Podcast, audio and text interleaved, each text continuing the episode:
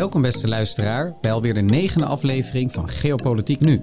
Vandaag hebben wij een bijzonder onderwerp om te bespreken, namelijk een tweedejaars bestuurskundevak aan de Universiteit Leiden. Dat heet International Administration. En de centrale vraag is daar, hoe beïnvloeden internationale organisaties eigenlijk het wereldwijde beleid en politieke verkeer? Het is natuurlijk hopelijk tenminste interessant voor onze studenten. En dat zij zich beter kunnen voorbereiden op het tentamen dat komende week gaat plaatsvinden. Maar ook interessant, mogelijkerwijs, voor de niet-studenten. Namelijk mensen die geïnteresseerd zijn in geopolitiek en de rol van internationale organisaties daarin. Het zal soms wel theoretischer van aard zijn, maar dat kan ook juist zorgen voor een dieper begrip van welke rol internationale organisaties spelen. Daarnaast kan het ook een goede schets geven van wat wij in de wetenschap eigenlijk bestuderen en bespreken met elkaar. Wij zullen ons best in ieder geval doen voor beide groepen. De studenten en ook de andere mensen die niet aan onze prachtige universiteit studeren. Wat gaan we doen op de volgende wijze? Allereerst zullen wij het realistische en het liberalistische perspectief bespreken, gevolgd door het bestuurskundige perspectief. Het realistische perspectief en het liberalistische perspectief, die zijn eigenlijk opgetuigd in de politicologie en de discipline van international relations het bestuurskundige perspectief eigenlijk vorm krijgt door bestuurskundigen. Ik zal alle drie de perspectieven uitleggen en daarnaast zullen wij stilstaan bij een zevental thema's dat aansluit bij wat wij dit blok met elkaar besproken hebben. Het realistische perspectief probeert het internationale politieke verkeer eigenlijk te verklaren aan de hand van de volgende veronderstellingen. De eerste is dat landen de centrale rol spelen in geopolitieke kwesties. De tweede veronderstelling is dat er sprake is van een zero-sum game in dat internationale verkeer. Dat betekent eigenlijk dat wanneer jij wint, een ander moet verliezen. En dat wanneer een ander wint, jij verliest. Dus een gemeenschappelijke win-win situatie is niet of nauwelijks mogelijk. Het derde principe houdt in dat kleinere landen lot beschoren is dat zij gevoegd moeten worden bij eh, de invloedssfeer van machtigere landen wereldwijd. Dus je kunt niet onafhankelijk blijven.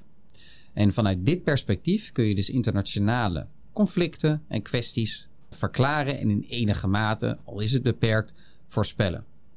Het liberalistische perspectief stelt net als de realisten eigenlijk dat landen de centrale rol spelen in het internationale verkeer. Maar dat win-win situaties wel degelijk mogelijk zijn op basis van een gelijkwaardige samenwerking. En daar zijn internationale organisaties dan ook eigenlijk voor bedoeld. De doelstelling bij de realisten van internationale organisaties is om machtigere landen macht te laten uitoefenen over kleinere lidstaten. Terwijl bij liberalen de stelling eigenlijk is dat internationale organisaties daar zijn als een soort arena om een min of meer gelijkwaardige samenwerking mogelijk te maken en op basis daarvan win-win situaties te creëren. En dat is dus een fundamenteel ander perspectief. Rajiv, mhm. zou jij de luisteraar en ook mij het bestuurskundige perspectief kunnen uitleggen? Het bestuurskundige perspectief houdt het volgende in. In het Engels wordt overigens het PA, het Public Administration perspectief benoemd, maar we houden het hier in het Nederlands. Het bestuurskundige perspectief houdt in essentie in dat naarmate internationale organisaties groeien, kunnen in kwantiteit zijn, maar ook in kwaliteit, dus de diepte van hun werk, dat wordt steeds groter dat ook hun mogelijkheid om landen, de lidstaat te beïnvloeden, ook groter wordt. Dus internationale organisaties zijn niet alleen organisaties die invloed krijgen van de lidstaten, dus alle input krijgen van de lidstaten en daarmee moeten doen. Maar na verloop van tijd groeien ze dermate dat ook zij de lidstaten zelf kunnen beïnvloeden op een zodanige wijze dat de lidstaten ook naar de adviezen en naar de regels van de internationale organisaties zullen luisteren. Internationale organisaties creëren als het ware een eigen bewustzijn en eigen denken om de, ja, hun mogelijkheid om de wereld naar hun ideeën te beïnvloeden. En dat is eigenlijk waar bestuurskundig perspectief zich mee bezighoudt. Binnen het vak International Administration kijken we naar een aantal elementen waaruit het bestuurskundig perspectief bestaat. En een internationale organisatie heeft met meerdere zaken waar ze rekening mee moeten houden. En al deze zaken bepalen eigenlijk de mate van invloed die zij kunnen uitoefenen. En al deze elementen gaan we ja, heel overzichtelijk stap voor stap in deze podcast bespreken. Voordat we deze elementen gaan bespreken, ben ik eigenlijk wel benieuwd, Michel, welk perspectief verklaart volgens jou het meest hoe internationale organisaties zich ontwikkelen? Ik denk dat het bestuurskundige perspectief het beste in staat is uh, internationaal geopolitiek verkeer te verklaren als het gaat om niet politiek controversiële en technocratische thema's. Mhm. En ik denk dat het liberalistische perspectief het beste verklaren is hoe het binnen machtsblokken eraan toe gaat. Dus wij vinden het niet erg als wij een deal met België afsluiten, als zij er wat meer winst bij hebben dan wij. Mhm. Want het gaat uiteindelijk dat we er beide op vooruit gaan. Het gaat niet om relatieve vooruitgang, maar absolute vooruitgang. Daarentegen denk ik dat het realistische perspectief het best in staat is om het internationale geopolitieke verkeer te verklaren tussen machtsblokken. Oké, heel duidelijk. En hoe zou je dit kunnen plaatsen in de context van de geschiedenis van internationale organisaties en hun groeiende invloed op individuele lidstaten? Ja, de afgelopen 100 jaar en eigenlijk vooral de afgelopen drie, vier decennia zie je best wel een opkomst in omvang en aantal van internationale organisaties. En ik denk dat dat in eerste instantie te maken heeft met technologische ontwikkelingen. Wij kunnen namelijk elkaar beter bereiken via zee of door de lucht of over land. En wij kunnen gemakkelijker contact met elkaar hebben. En kun jij gemakkelijker contact met elkaar hebben, dan moet je dat op een manier reguleren. Bijvoorbeeld hoe je post verzendt of hoe je treinen vanuit het ene naar het andere land laat rijden. Dat geldt natuurlijk ook voor boot- en vluchtverkeer mhm. of voor autoverkeer. Dus dat dwingt al tot internationale samenwerking.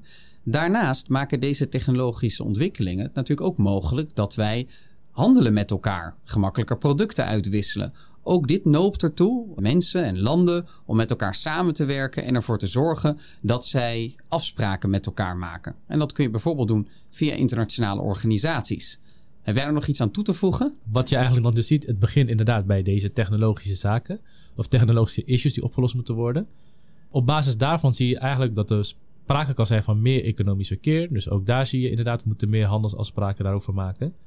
En wat ik zelf geloof is, naarmate mensen meer met elkaar handelen, dat ze als eerst ook een beter feeling met elkaar krijgen. En meer elkaar vertrouwen. Zoals een Engelsman ooit zei: It is politics that divide, but trade that unites. En naarmate dus landen of eh, volken steeds meer met elkaar handelen, dat ze ook meer gevoel met elkaar krijgen. En denk ik ook meer bereid zijn om politiek met elkaar te delen. Dus politiek bindende afspraken te maken. Om niet alleen voor economische harmonisatie, maar ook voor politieke harmonisatie te zorgen in de regio. Want bij een oorlog is natuurlijk niemand gebaat, geen enkel economisch verkeer.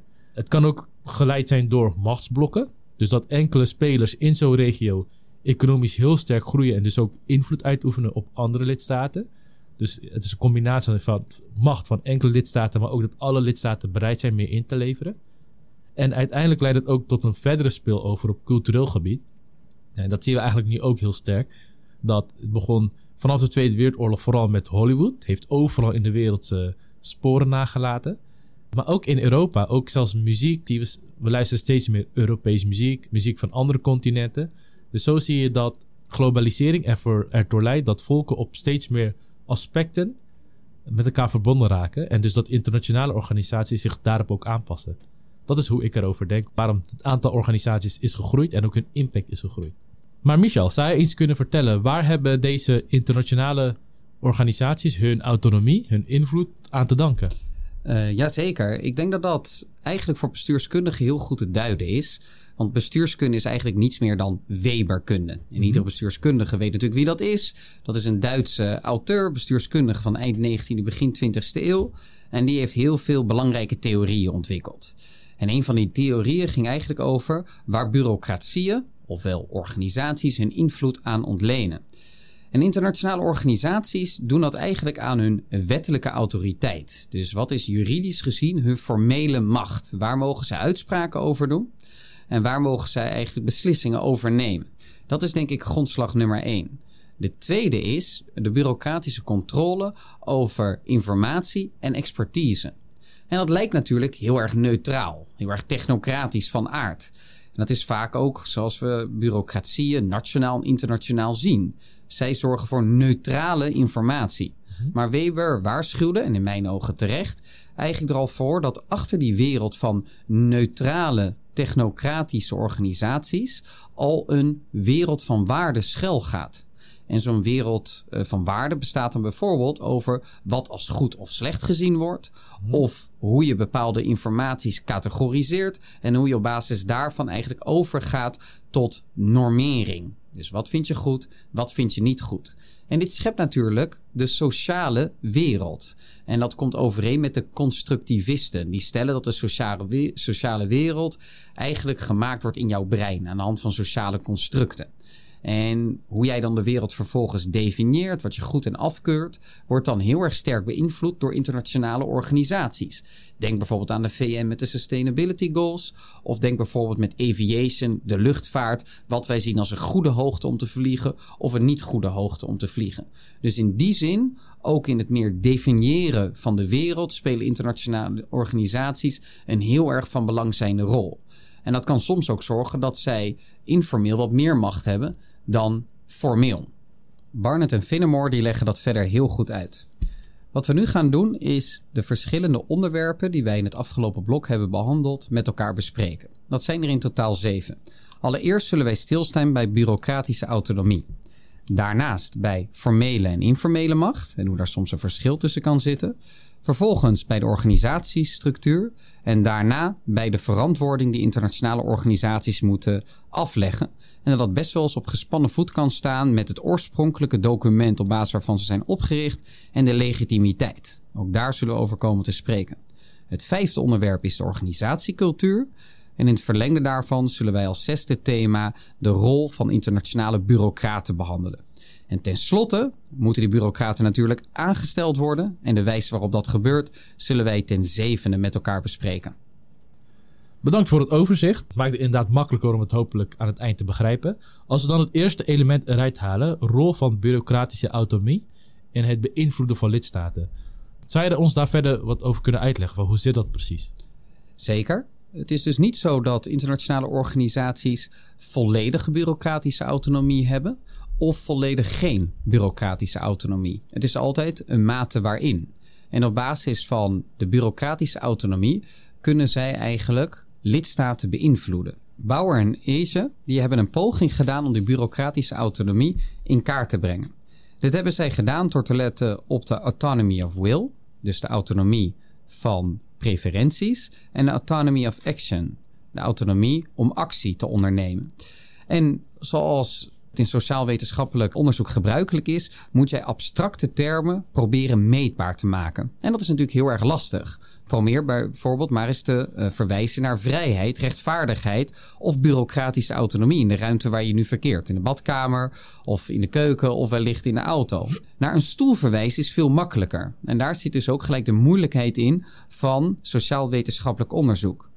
Ze hebben geprobeerd die bureaucratische autonomie meetbaar te maken. En ik zal een paar voorbeeldjes geven van de indicatoren die zij gebruikt hebben. Zeker niet allemaal. Maar de allereerste, de autonomy of will, daar hebben zij de administrative cohesion bij gebruikt. En dat hebben zij meetbaar gemaakt, een indicator gebruikt door bijvoorbeeld in te zoomen op het aantal mensen ten opzichte van het totaal dat werkzaam is op het hoofdkantoor. Je kunt je voorstellen, hoe meer mensen er op één hoofdkantoor werken, hoe hoger de administratieve, ofwel bureaucratische cohesie is van zo'n organisatie. Zit jij verspreid over de wereld, dan komen die mensen elkaar nauwelijks tegen, zijn minder met elkaar in gesprek, die creëren dan moeilijker met elkaar een bepaalde cultuur, dus dan kun je ook minder hoge bureaucratische cohesie realiseren. Dus vandaar dat zij dit als eh, indicator gebruikt hebben. Daarnaast zou je eventueel ook kunnen kijken naar de ratio, dus het percentage van het aantal mensen dat een vast contract heeft versus dat geen vast contract heeft. Hebben mensen allemaal een vast contract binnen zo'n hoofdkantoor of binnen zo'n organisatie, dan zullen zij, naar alle waarschijnlijkheid, langer werken voor die organisatie. En dan is het ook gemakkelijker om een bepaalde bureaucratische cohesie te realiseren. Hebben mensen allemaal tijdelijke contracten, dan is dat natuurlijk veel moeilijker. Probeer maar eens eenheid te creëren in een groep freelancers die elkaar eens per jaar of eens per twee jaar ziet. Dat is wel haast onmogelijk. Vandaar dat zij de keuze hebben gemaakt om dit als indicator te gebruiken voor de autonomy of will. Bij de autonomy of action, dus de autonomie van actie ondernemen, daar hebben zij een andere indicator gebruikt. En dat is bijvoorbeeld de agenda-zettende macht van het secretariaat van een organisatie.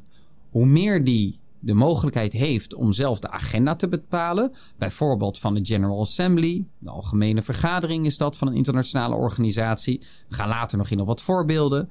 Hoe groter de kans is dat zij ook zelf kunnen bepalen wat voor acties en beslissingen er ondernomen worden. Dus dat komt in de kern eigenlijk, dit allemaal tezamen, uit op bureaucratische autonomie. We hebben niet alle indicatoren behandeld, maar ik denk wel dat je op basis hiervan beter begrijpt hoe in de wetenschap meetbaar gemaakt wordt welke invloed internationale organisaties kunnen hebben. En dan zie je ook terug dat het af en toe best wel lastig is om abstracte begrippen meetbaar te maken. En dat je dan, nou, ik zal niet houtje touwtje keuzes, maar wel lastige keuzes moet maken. Rajiv, om het toch nog wat levendiger te maken voor de luisteraar, kun jij voorbeelden geven van verschillende maten van bureaucratische autonomie? Als we kijken naar de Europese Unie, binnen de Europese Unie, dan zou ik liefst de Europese Commissie eruit willen halen. Binnen de Europese Commissie zie je heel sterk dat er sprake is van een hoog autonomiegehalte. Dat komt omdat er allereerst natuurlijk een, een groot aantal ambtenaren daar werken met vaste contracten. En dat ze allemaal ook binnen een bepaalde gebied werken. Dus de gebouwen, de afdelingen zijn allemaal redelijk centraal. En waardoor ook onderling ook veel contact is. En ze onderling ook beleid daardoor kunnen bepalen en snel op elkaar kunnen afstemmen. Met ambtenaren die daar ook een tijdje uh, gestationeerd zijn. Dus die ook het rijden en zeilen van zo'n organisatie weten. En ook weten hoe je dus op basis van de autonomie het best mogelijk invloed kan uitoefenen op de lidstaten. En dan doen ze ook heel goed. Kijk maar naar de richtlijnen waar wij ons allemaal aan moeten houden. Die komen allemaal vanuit de Europese Commissie. Zeker. De Europese Commissie heeft dus een relatief hoge mate van bureaucratische autonomie. Mm dat is ook wel begrijpelijk, gebaseerd op het feit dat zij het recht van initiatief hebben in de EU. Tegelijkertijd moet er wel bijgesteld worden dat de leiders van de Europese Commissie aangesteld worden door de lidstaten. Mhm. Dat doet de Europese Commissie niet zelf. Dus niks is te verabsoluteren. Hier ook zie je weer kanttekeningen erbij. Oké, dan hebben we nu bureaucratische autonomie behandeld. Mhm. Zou je meer kunnen vertellen over de formele en informele macht van organisaties? Voordat ik daar verder op inga, er is een verschil tussen formele en informele macht. Wat is dat nou precies? Nou, formele macht is macht dat gebaseerd is op een wettelijk kader, op regels, richtlijnen, procedures. Dat is macht waarop je kan beroepen. Waarop iedereen op zich mee heeft ingestemd. Daarnaast is er ook zoiets als informele macht. Informele macht betekent de mate in hoeverre jij invloed kan uitoefenen op anderen. Dat gebaseerd is op zaken als charisma en allerlei andere actoren. Waardoor mensen of organisaties bereid zijn om naar jou te luisteren. Nou, waar komt deze informele macht dan vandaan? Wetenschappers Barnett en Fillimore, maar ook Xu en Weller hebben hier uitvoerig aandacht aan besteed. En als we kijken naar Assure en Weller, zij gaven aan dat informele macht van ambtenaren voornamelijk komt van zaken als netwerkvermogen en het deskundigheidsgehalte. Dus daar waar je ziet dat internationale ambtenaren een zeer hoog deskundigheidsgehalte hebben en dat ook wordt erkend door andere spelers en lidstaten, dat andere spelers ook eerder bereid zijn om naar diegene te luisteren. Heel simpel, ga je naar een ziekenhuis en een arts schrijft je wat voor. 9 van de 10 keer neem je het gewoon blindelings aan wat zo'n arts voorschrijft. Puur op basis van vertrouwen in zijn deskundigheid. Nou, zo is het ook bij internationale ambtenaren. Dat is één. Twee, wordt er ook gekeken naar het mate van netwerkstructuren van de internationale ambtenaren. Heb jij iets nodig en je gaat naar een internationaal ambtenaar en vanwege zijn of haar netwerk is die in staat om zaken voor elkaar te krijgen, dan ben je ook eerder bereid om naar zo iemand te luisteren los van het wettelijk kader, het wettelijk macht dat zo'n ambtenaar heeft. En voornamelijk die twee zaken, dus het groot, een groot deskundigheidsgehalte en een groot netwerkgehalte, kan ervoor zorgen dat een internationaal ambtenaar veel meer informeel macht heeft over lidstaten heen. Kan je enkele voorbeelden opnoemen waar je dat ziet? Zeker. Ik vind NGO's altijd een interessante. Mhm. En NGO's zijn non-governementele organisaties. Die zijn dus niet per se opgericht door lidstaten. Maar toch hebben zij formeel gezien altijd weinig macht. Mhm. Desondanks kunnen zij behoorlijk wat invloed uitoefenen. En waar ontlenen zij die invloed nou onder meer aan, is bijvoorbeeld mobilisatiekracht. Zij kunnen ervoor zorgen dat mensen gaan protesteren of hun parlementariërs of vertegenwoordigers gaan opbellen, zodat er nieuwe beleidsvoorstellen worden gedaan. Of zij kunnen op basis van een soort morele autoriteit uitspraken doen waar iedereen van denkt: oké, ja, hier zit wel wat in. Denk bijvoorbeeld aan Amnesty International. En daarnaast hebben zij ook wel eens een bepaalde expertise die wenselijk is in beleidsorganen en beleidsoverleggen. Denk bijvoorbeeld aan Wereld Natuurfonds, dat op dit moment Suriname adviseert. Ja, over het natuurbeleid. Dat klopt. Suriname wil hun natuurbeleid reorganiseren. Het oude natuurbeleid was nog voordat ze nog een kolonie waren. En daar hebben ze het WNF voor gevraagd van, willen jullie ons hierbij begeleiden? Ja, dat is heel interessant. Wereld Natuurfonds heeft een heel hoog deskundigheidsgehalte en ook het netwerkgehalte. En ook voor natuurherstelprogramma's wordt standaard het Wereld Natuurfonds erbij gehaald. Dus dat is ook wel interessant om te zien. Ja, dus daar zie je heel duidelijk terug dat het Wereld Natuurfonds meer informele macht heeft dan de formele dag, macht doet vermoeden. Onder andere omstandigheden zie je hetzelfde wel eens terug. Dat als twee landen ruzie met elkaar hebben, een geschil bijvoorbeeld over de maritieme grenzen, dat zij dan in plaats van elkaar de hersens inslaan en een oorlog starten, dan denken: oké, wij komen er samen niet uit. Dan kunnen we altijd nog naar een orgaan keren die ons kan helpen om eruit te komen. Bijvoorbeeld, wij zijn het niet met elkaar eens. Tegelijkertijd weten we dat dit orgaan behoorlijk onpartijdig is, expertise heeft en ook een professionele interne cultuur. Dus wij zijn bereid naar zo'n uitspraak te luisteren.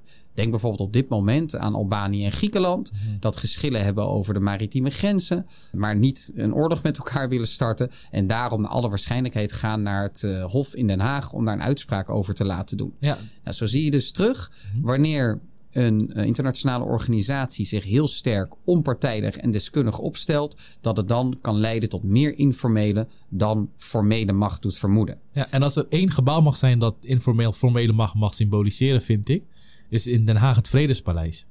Ja, dat is een, een internationale organisatie en eigenlijk een NGO, niet eens gekoppeld aan een uh, VN. Zij hebben een heel hoog deskundigheidsgehalte op basis van internationaal recht, een heel groot netwerk over wereldleiders heen. En inderdaad, landen komen ook, gaan naar het, daar heet het vredesbeleid, gaan naar het vredesbeleid om daar onderlinge geschillen voor te leggen. Dus zie je heel mooi een, een symbool van formeel en informeel macht. Oké, okay, mooi voorbeeld. Trouwens, schitterend ja. gebouw. Wij wonen in Den Haag, dus mm. ga er vooral eens op bezoek. Ik Zeker. denk dat we dan inmiddels klaar zijn voor het derde onderwerp. Mm -hmm. De organisatiestructuur. Ja. Rajiv, zou jij meer kunnen vertellen over de organisatiestructuur? Ja, bij de organisatiestructuur komt het in de kern erop neer hoe de taken worden gecoördineerd en hoe de acties die uitgevoerd moeten worden, hoe die worden vormgegeven. En om dat te doen, kijk je dus naar de structuur van de organisatie. Hoe gaan we dit zodanig structureren op, op een blauwdruk dat het ook zo goed mogelijk uh, gaat? En dat kan je eigenlijk kort gezegd op twee manieren doen. Je kan het op een centrale manier doen of een decentraal manier.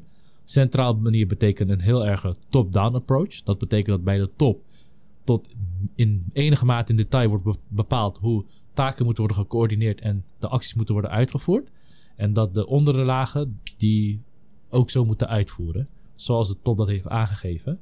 Decentraal is meer een bottom-up bottom approach, zoals ze dat in het Engels zeggen. Dat betekent dat meer van de ondere lagen wordt gekeken hoe richtlijnen van bovenaf, hoe ze dat kunnen op eigen, in hun eigen omgeving kunnen interpreteren. En op basis van hun eigen manier, eigen netwerk, eigen deskundigheid kunnen uitvoeren. En er is nog een punt, daar kan jij denk ik wat meer over vertellen. Ja, zeker. Uh -huh. Dat organisatiestructuur natuurlijk een heel grote invloed heeft op de wijze waarop internationale organisaties kunnen reageren op internationale problemen. Hmm. Heb jij een heel erg centraal aangestuurde organisatie met een sterke hiërarchie, dan maak je het voor de mensen binnen de organisaties, de professionals, moeilijker om op basis van eigen inzichten daarop te reageren. Omgedraaid is dat natuurlijk ook zo. Wanneer jij dat meer decentraal organiseert, dan stel je die bureaucraten meer in staat daarop naar eigen inzicht op te reageren. Dat kan positief zijn, mm -hmm. want dan kun je adequater reageren. Maar dat kan natuurlijk ook wat negatiever uitpakken, want dan gaan zij misschien wel te veel hooi op een vork nemen ten opzichte van hun mandaat. Okay. Dus dan gaan zij meer besluiten maken dan democratisch gezien eigenlijk legitiem is.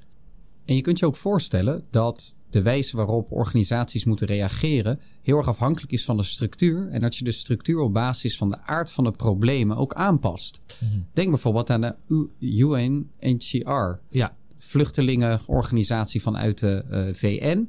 En zij moeten wereldwijd in oorlogssituaties eigenlijk zorgen voor goede opvang van vluchtelingen. Dan is heel strakke centrale aansturing niet zo verstandig. Je moet er juist voor zorgen dat mensen op de grond kunnen anticiperen op de situatie die zich daar voordoet. Mm -hmm. En daarom kent deze organisatie een min of meer decentrale structuur.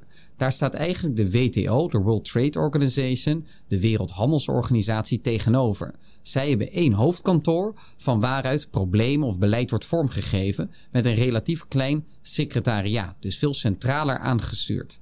En dat heeft ook te maken met de aard van de problemen. Dus een organisatiestructuur wordt ook aangepast op de aard van de problemen die die organisaties moeten oplossen. Ja. Bij de WTO is het logisch, gezien de jurisprudentie van de uitspraken die zij doen. Je dat handelsuitspraken over de hele wereld hetzelfde zijn. Dus ook inderdaad kan je niet hebben dat er te grote verschillen zijn. Zeker. Dus, uh, Ja, ja. ja, dus je wilt harmonisatie laten plaatsvinden. dus dan is het ook logisch om dat centraal te organiseren. Tegelijkertijd kan die organisatiestructuur, die dan misschien soms wat meer ruimte biedt voor eigen interpretatie van de ambtenaren, er wel eens voor kunnen voor zorgen dat er meer invloed wordt uitgeoefend dan de formele macht vermoedt. Mhm. En dat kan uiteindelijk resulteren in een uh, vraagstuk rondom legitimiteit en verantwoording afleggen. Mhm. Rajiv, zou je ons meer kunnen vertellen over hoe organisaties, internationale organisaties, verantwoording moeten afleggen en wat hierbij de belangrijkere kwesties zijn?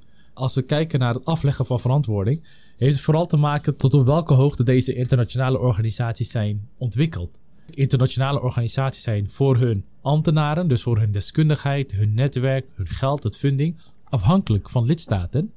En lidstaten zijn tot op zekere hoogte bereid deze te leveren. En dan ook niet alleen deskundigheid, netwerk en geld, maar ook enige mate van soevereiniteit over te dragen naar deze internationale lidstaten. Enige manier waardoor jij bereid bent om macht en middelen over te dragen, is als jij ook een enige mate van toezicht hebt op de internationale organisaties. En dus ook wil weten wat zij precies met jouw middelen doen. Dus de mate hoe internationale organisaties verantwoording afleggen, bepaalt tot op zekere hoogte in hoeverre lidstaten deze internationale organisaties kunnen vertrouwen. En dus ook in zee willen gaan met deze organisaties.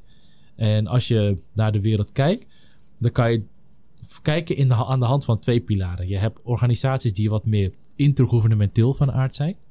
En je hebt organisaties die wat meer supranationaal van aard zijn.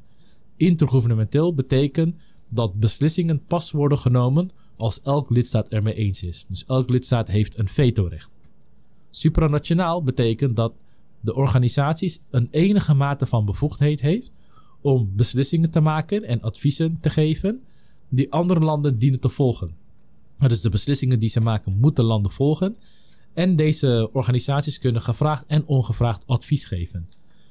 Vaak zie je dat bij intergouvernementele organisaties, dus waarbij lidstaten elk een vetorecht hebben, dat de verantwoordingsstelsel zo is ingericht dat deze lidstaten direct aan de regeringen, premiers, ministers van Buitenlandse Zaken, ja, verantwoording moeten afleggen over het reilen en zeilen van zo'n organisatie. Dat gebeurt vaak op ambtenaar tot ambtenaarniveau, waarbij het volk als het ware dat wat meer buiten staan. Logisch, het is ook wat meer iets tussen regeringsleiders onderling. Terwijl daar waar er internationale organisaties zijn die wat meer supranationaal van aard zijn, daar zie je meer dat er sprake is van het verantwoording niet alleen naar regeringsleiders toe, maar ook naar het volk toe. Want het volk is, of een land dat bestaat uit het volk, die is datgene die macht en soevereiniteit heeft overgedragen. Bijvoorbeeld, een mooi voorbeeld is het Europees Parlement binnen de Europese Unie een sterk supranationaal orgaan dat verantwoording aflegt aan parlementariërs en dus via die parlementariërs aan het volk. En je ziet ook dat andere internationale organisaties in andere continenten daar ook mee aan het experimenteren zijn. Ik moet wel eerlijk zeggen, de EU is hier het, het verst in. Maar ja, je moet niet raar opkijken als andere delen van de wereld ook onze voorbeeld in dit geval zullen volgen. En zo zie je dus dat verantwoording, de mate van hoe verantwoording wordt afgelegd, sterk bepaalt hoe internationale organisaties invloed kunnen uitoefenen op landen. Zeker. En ik denk wat hier relevant uh, bij is om nog te benoemen, is dat identiteit hier een belangrijke rol in speelt. En niet eens zozeer vanuit de kant van de internationale organisatie, maar vooral uit het perspectief van het volk, tussen aanhalingstekens.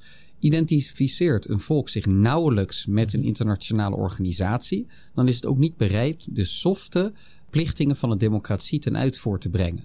En dat zien we afgelopen weken dan bijvoorbeeld ook terug bij de Europese, het Europees Parlement. De Europese parlementariërs worden eigenlijk zeer beperkt gecontroleerd door de media, omdat de media nauwelijks geld kunnen verdienen aan nieuws uitbrengen hmm. over de EU. Omdat mensen daar toch op minder op zitten te wachten.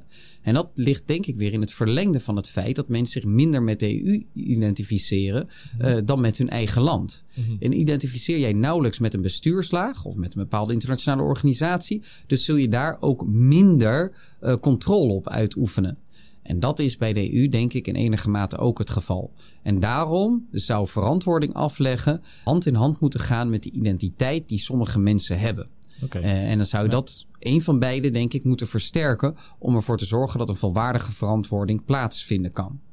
Dat brengt ons denk ik ook bij de organisatiecultuur. Want er is dan soms een mismatch tussen wat extern verwacht wordt van zo'n organisatie, of dat nu van het volk is of regeringsleiders, en wat er intern bij die organisatie aan identiteiten en cultuur centraal staat.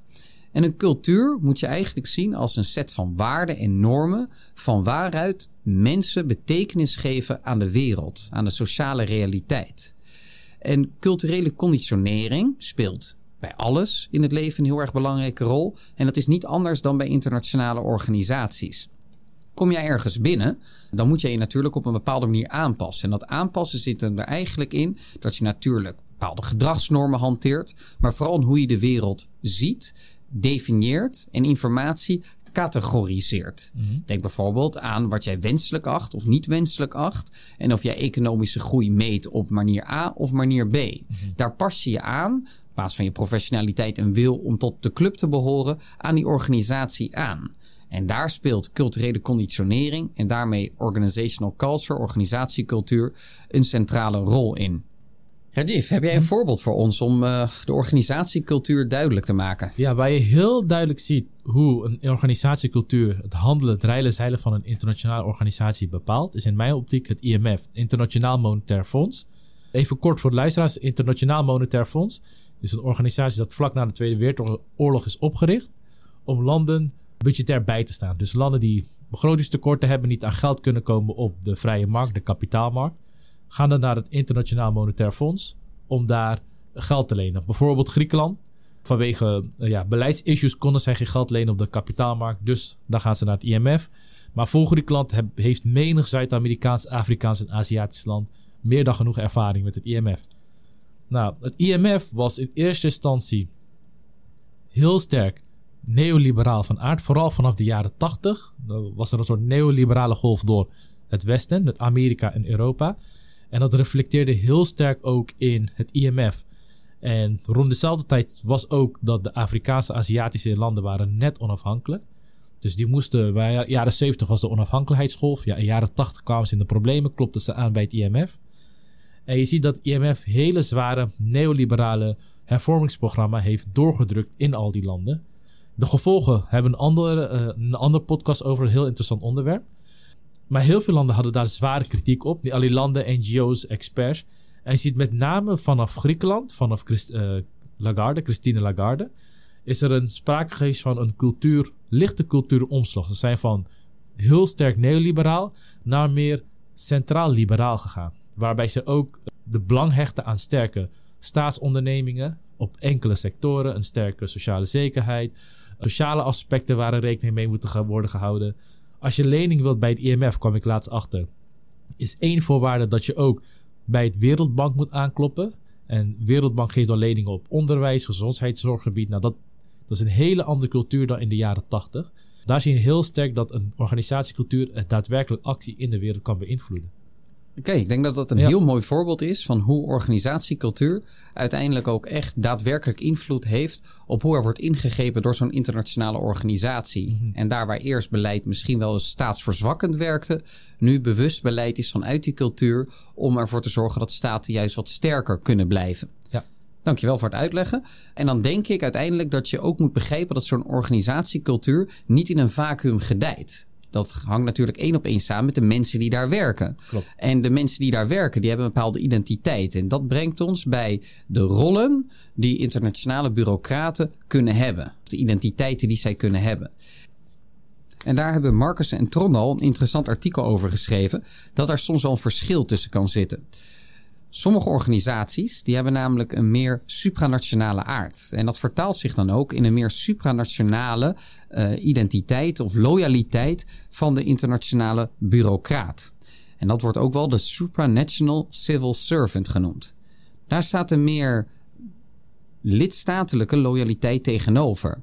En dat resulteert uiteindelijk in een intergouvernementele identiteit van zo'n internationale bureaucraat. Mhm. Je kunt je voorstellen dat als landen meer macht willen uitoefenen over zo'n internationale organisatie, dat het uiteindelijk resulteert in een meer in een identiteit die meer gericht is op de lidstaten. Wil jij echter dat zo'n organisatie meer gericht is op een algemeen belang, dan zul je een sterkere supranationale identiteit uh, proberen te realiseren. Dus bij supranationaal kijk je meer, wat is in het belang van ons allemaal? En intergouvernementeel is meer, wat is in het belang van mijn eigen lidstaat als exact. ambtenaar? Ja, en dan voegen zij er eigenlijk een dimensie aan toe. En die gaat over of jij meer loyaliteit hebt naar de regels en procedures Mhm. van een organisatie. En dat wordt de transgovernmental, dus transgouvernementele civil servant genoemd. Mhm. En civil servant is een ander woord voor ambtenaar. En dan gaat het dus meer om dat je een echte bureaucraat bent die waarde hecht aan de regels. En dan is de centrale vraag: wat zijn de regels? En daar staat weer een andere loyaliteit tegenover. En dat is de loyaliteit naar een bepaalde wetenschappelijke discipline. En, en die wordt de Transnational Civil Servant genoemd. Dus de transnationale ambtenaar. Beetje een gekke naam voor wat het probeert te laden. Maar bij die uh, ambtenaar zie je een meer discipline loyaliteit terug. Okay. Nou, en daar is de vraag dus ook: wat is wetenschappelijk waar of interessant? Okay. En dan moet je begrijpen dat er soms geen, uh, dat er soms licht zit tussen wat er extern verwacht wordt van die ambtenaar en wat zij intern voelen. Dus sommige internationale ambtenaren die voelen meer loyaliteit naar de organisatie als geheel en naar een wetenschappelijke discipline. Terwijl lidstaten juist meer nadruk leggen op regels volgen, dus controle houden bij de lidstaten. En deze identiteit sluit dan ook meer aan bij de transgouvernementele en intergouvernementele uh, loyaliteit. En sommige organisaties kunnen hierdoor ook opengebroken worden eigenlijk of uiteengerukt. En Marcus en Trondal hebben het dan specifiek over de OECD, waar de OECD'ers, dus de mensen die daar werken, graag meer zelf zouden willen bepalen wat voor onderzoek ze doen. En ook meer loyaliteit voelen naar de organisatie als geheel. Terwijl de lidstaten uh, meer het idee hebben van jullie moeten gewoon doen wat wij zeggen. Mm-hmm. En jullie hebben te houden aan de regels. Okay. Dus willen wij een onderzoek over een bepaald domein zien, dan gaan jullie dat onderzoek ten uitvoer brengen. Okay. Nou, dat botst natuurlijk met elkaar en dat kan ook zorgen voor een lager welzijn. En dat is problematisch. Ook bij andere organisaties zie je dit wel eens terug. Heb je daar een voorbeeld van? Ja, waar ik dat eigenlijk verrassend genoeg ook terugziet, maar dan omgekeerd, is binnen de EU bij de Europese Commissie wordt verwacht van lidstaten en van Europeanen dat ze kijken van wat is in het belang van ons allemaal. Maar de Europese Commissie bestaat uit verschillende commissarissen. Elk commissaris komt uit de eigen land. Komen we zo meteen op terug bij het volgende element. Maar ook daar zie je weer terug dat er commissarissen zijn die eerder kijken naar het belang van hun eigen lidstaat. In plaats van wat er van hun verwacht wordt, het algemeen belang. Ik heb het zojuist besproken over invloed ook van, van waar commissarissen vandaan komen. Maar dat bepaalt dus ook de mate van invloed die een internationale organisatie kan hebben op de lidstaten. Dus we komen naar het volgende element, het staf en het recruitmentproces. Michel, waarom is het recruitmentproces zo van belang in hoeverre zij invloed kunnen uitoefenen op lidstaten? Zeker. Organisaties die worden natuurlijk bevolkt door mensen. En de mensen worden niet uh, per toeval aangesteld. Daar gaat natuurlijk een recruitmentproces en een agenda aan vooraf. En hoe een staf en personeel wordt aangesteld, is uiteindelijk bepalend voor de identiteit die mensen intern hebben. En niet alleen voor de identiteit, maar ook voor de mate van expertise. Voor naar welke organisatie uh, ze loyaliteit voelen. Of ze meer loyaliteit hebben met de bureaucratie en het goed functioneren daarvan. Of meer met het goed en uitvoerbrengen van een wetenschappelijke discipline. Dus zo kun je eigenlijk op basis van bijvoorbeeld vacatures mm-hmm. heel duidelijk die interne, in ieder geval nastrevenswaardig geachte identiteit uh, distilleren. En daarom is het soms wel eens heel erg interessant om te kijken naar welke mensen worden aangesteld en op basis waarvan. En ik denk dat dit ook belangrijk is om te doen, omdat je eigenlijk zou willen dat dat één op één gelijk loopt met wat een volk gaat ziet van zo'n internationale organisatie. Want die verwachtingen van degene voor wie zij werkt en uitvoer brengen, moeten overeenkomen met welke mensen zij uiteindelijk in het sollicitatieproces aannemen. En ook hier kon natuurlijk een opdracht over gemaakt worden.